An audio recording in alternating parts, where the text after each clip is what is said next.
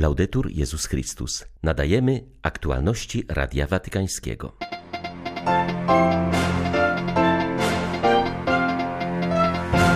Ekonomia Franciszka to zdaniem papieża dobra nowina dla współczesnego świata, która poprawi warunki życia i będzie przyjazna dla środowiska. Ojciec Święty napisał wstęp do książki węgierskiej Żydówki Edith Bruck, która przeżyła koszmar Holokaustu.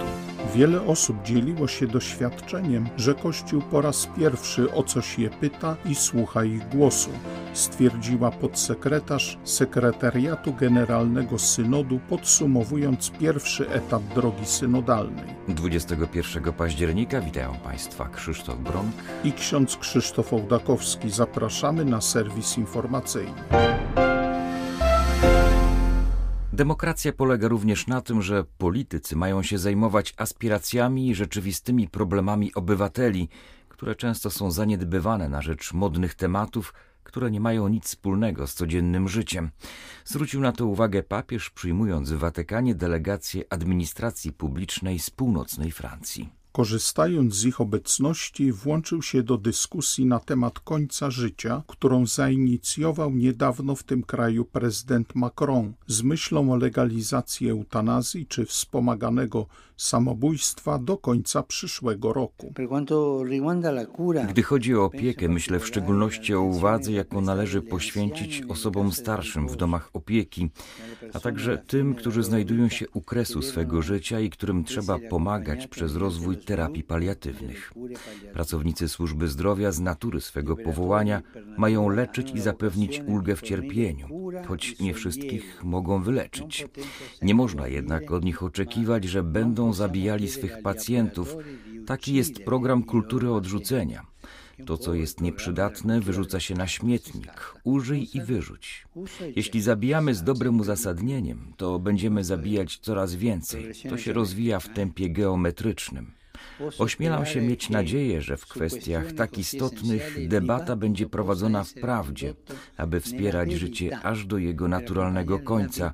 Nie dajmy się wciągnąć w tę kulturę odrzucenia, która jest dziś niemal wszechobecna.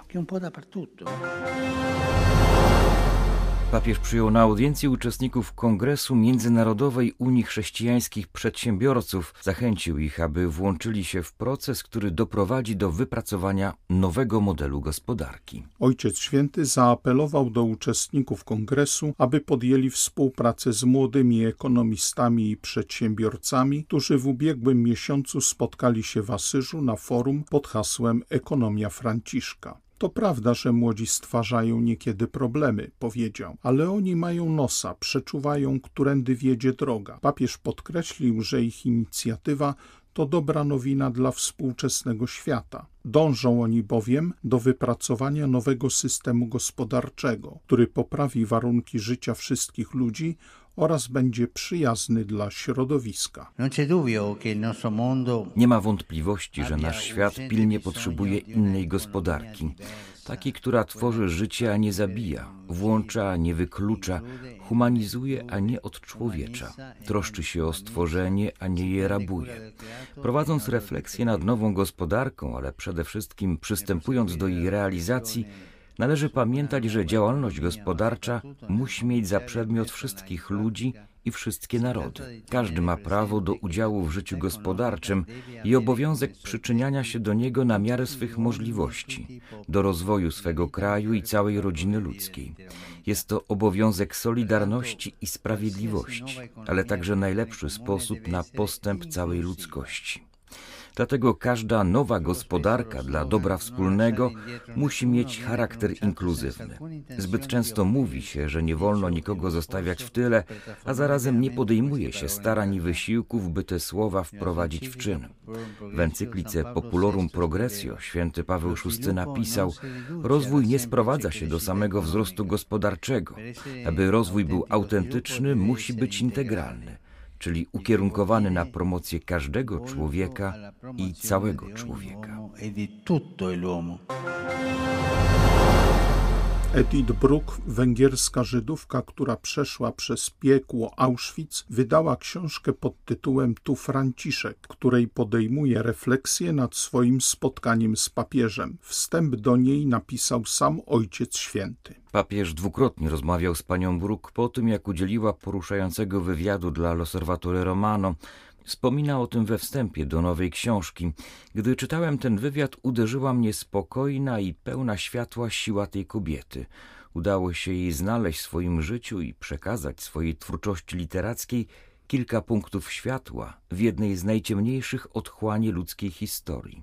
Zamknąłem gazetę i zadzwoniłem do redaktora naczelnego, prosząc go o zorganizowanie spotkania. Niecały miesiąc później papież był u progu domu pisarki. Gdy tylko wyszedłem z windy, przywitała mnie w drzwiach w milczeniu, bo wzruszenie prawie uniemożliwiało jej mówienie, pisze Franciszek. Pośród łez, które wzięły górę, podziękowała mi za wizytę, a ja z kolei podziękowałem jej za świadectwo, które daje przez te wszystkie lata. Spotkali się ponownie rok później. Tym razem gospodarzem był Franciszek. Pani Bruk przyszła wraz z swoją ukraińską asystentką Olgą i przyniosły upieczony w domu chleb. Był to symbol nawiązujący do sławnej powieści pisarki Chleb utracony, gdzie jej matka wypiekła chleb tuż przed aresztowaniem przez nazistów. Papież wspomina, podzieliliśmy go razem i zjedliśmy część. Prosty ludzki gest, jak modlitwa. Ojciec Święty kieruje następnie spojrzenie na ludzkość, delikatną, kruchą, zawsze gotową do pęknięcia, do pogorszenia się i wynaturzenia. Dodaje, że pośród takiej ludzkości nieraz spotykamy osoby takie jak pani Edith, które ujawniają niewyobrażalne zasoby, siłę wypływającą nie wiadomo skąd, która pokonuje wszelkie przeciwności i pozwala nam pozostać ludźmi. Kończy się podsumowanie fazy lokalnej synodu o synodalności. Wkrótce zostanie opublikowany dokument dla etapu kontynentalnego. Wiele osób dzieliło się wyjątkowym poczuciem, że Kościół po raz pierwszy o coś je pyta i słucha ich głosu, mówi siostra Natalii Bekar, podsekretarz w sekretariacie generalnym synodu. Po raz pierwszy w historii Kościoła mamy synod włączający wszystkich wiernych. W informacjach zwrotnych, jakie otrzymaliśmy w podsumowaniach, ludzie mówią, że było to dla nich radosne doświadczenie i chcą kontynuacji tego słuchania i dialogu.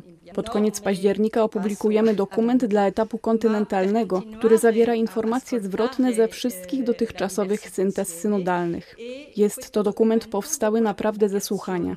Nie jest to traktat teologiczny ani katechizm. Jest to mapa do kontynuowania wspólnej podróży. Po publikacji zostanie on wysłany do wszystkich kościołów lokalnych z zachętą do podjęcia dyskusji i przysłania informacji zwrotnej. Jest to dokument dla spotkania kontynentalnego, które będzie mieć miejsce między styczniem a marcem. Łącznie będzie siedem zgromadzeń kontynentalnych, pięć dla poszczególnych kontynentów oraz jedno dla Ameryki Północnej i jedno dla Bliskiego Wschodu.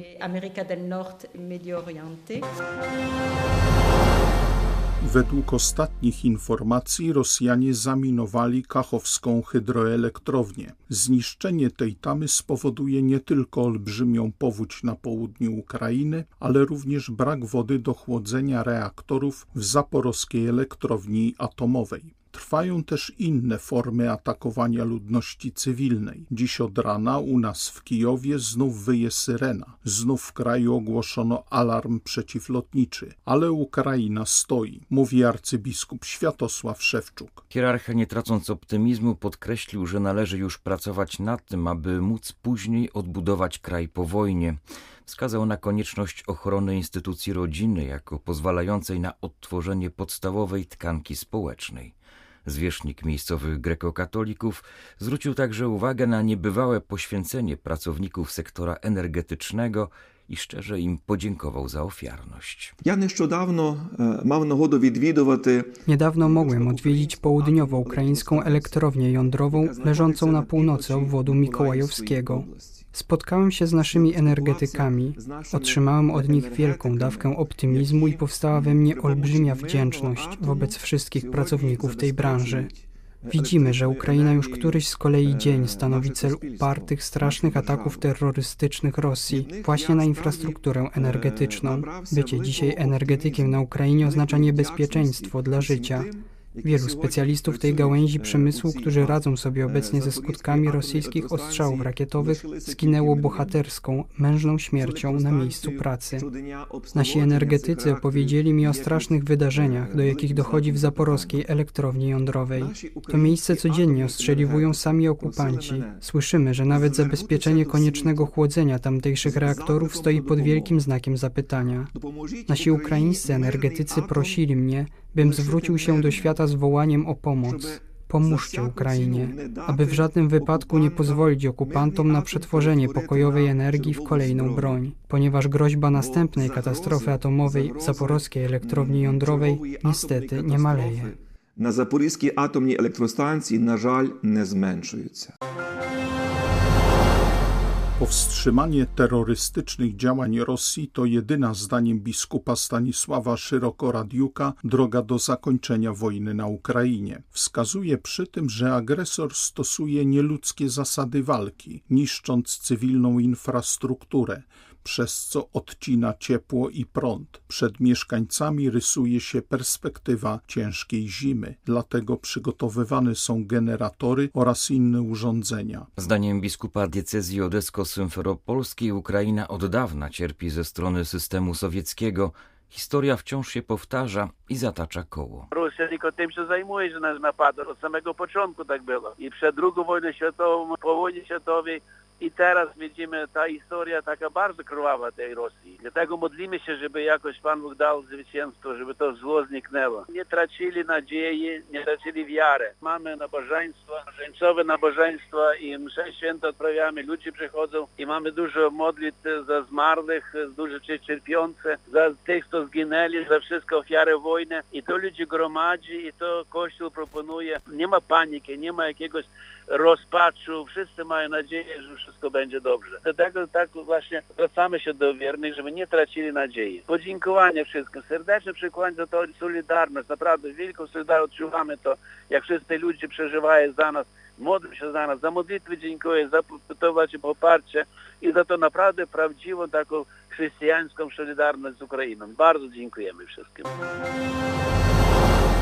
Egzemplarz Ewangelii 2022 Słowo na każdy dzień znajdował się w plecaku na tylnym siedzeniu wojskowego samochodu, kiedy ukraiński żołnierz Juryj Boft trafił pod rosyjski obstrzał.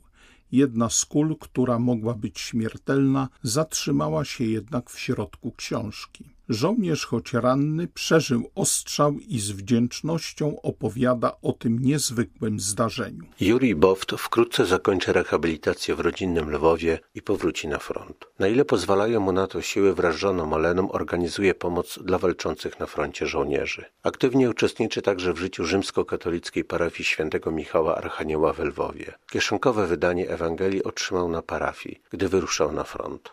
na winu, to ja Idąc na wojnę chciałem wziąć ze sobą Ewangelię na każdy dzień, coś co byłoby niewielkie, kieszonkowe, tak abym mógł coś poczytać. Prosiłem zatem w kościele, u siebie w parafii.